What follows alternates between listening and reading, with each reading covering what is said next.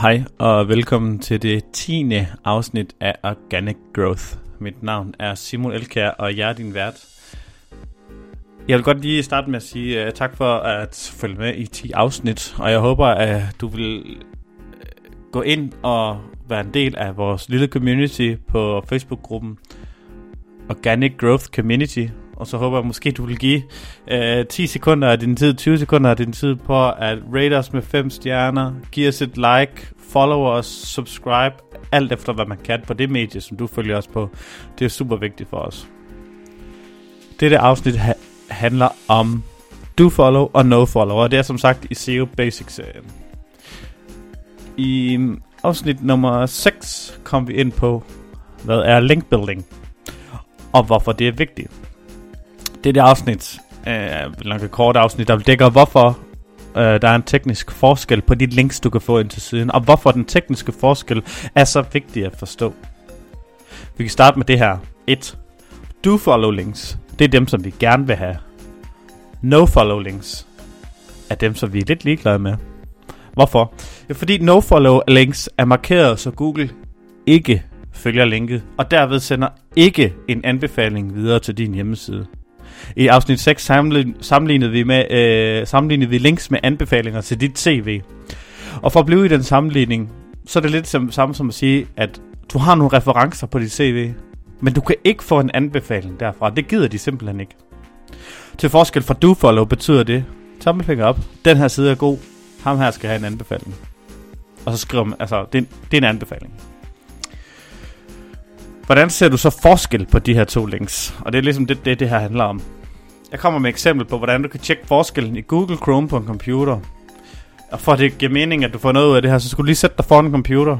Øhm, og hvis du ikke allerede har Google Chrome installeret, så skal du installere det nu. Øhm, du kan også bruge Firefox til det, men eksempler her er i Google Chrome. Øh, du kan lige sætte podcast på pause, imens du installerer Google Chrome. Nå. Men lad os så finde ud af, hvordan et no-follow link ser ud. Hvis du går ind og laver et opslag på Facebook, øh, så og prøve at poste et link, eller du kan også bare gå længere ned på, list, øh, på listen af alle de opslag, der er, og så prøv at finde et link, øh, find et opslag, der indeholder et blåt link, som man kan klikke på. Har du fundet det? Godt. Så prøv at højreklikke på linket.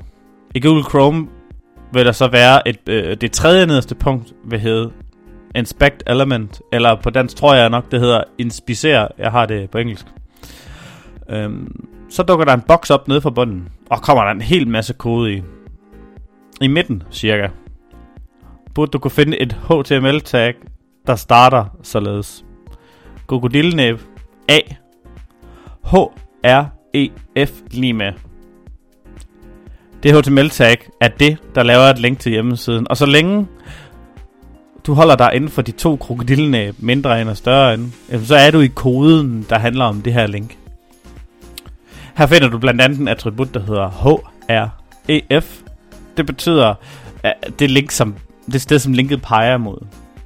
Du finder også en masse andre ting, men det vi er interesseret i er den attribut, der hedder rel, eller rel, som jeg mener nok er en forkortelse af øh, ordet relation, øh, altså hvad er relationen til den side.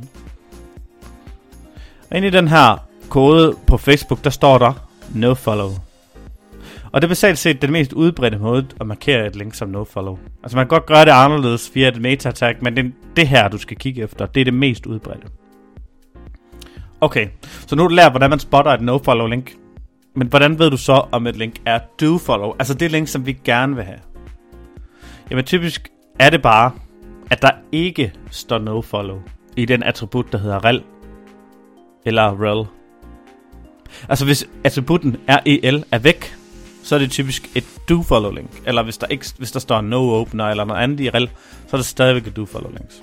Men som sagt, altså det kan godt markeres på en anden måde. Der findes et tag, der hedder meta robots, men det er typisk ikke brugt særlig meget. Her kan man markere, at alle links på denne side er no-follow. Det bliver brugt meget sjældent, for det betyder også, at alle interne links, man har på siden, ens egen links, også er no-follow. Og jeg vil vurdere, at det er ikke noget, du skal tænke på. Det var lidt om forskellen på dofollow og nofollow. Det var alt for i dag. Husk at blive medlem af vores Facebook-gruppe. Gruppen hedder Organic Growth Community. Er der noget, som du gerne vil have svar på, så stil et spørgsmål til mail, snablag, n-u-t-i-m-o.dk Og hvis du kunne lide det her afsnit, så håber jeg, at du vil bruge 10 eller 20 sekunder på at give os 5 stjerner på iTunes. Stik os et like, follow os alt efter hvilke medier du bruger. I og med, at den her podcast er gratis, så er det alfa og omega for os, at du kan hjælpe os med at få noget mere eksponering. Tak for denne gang.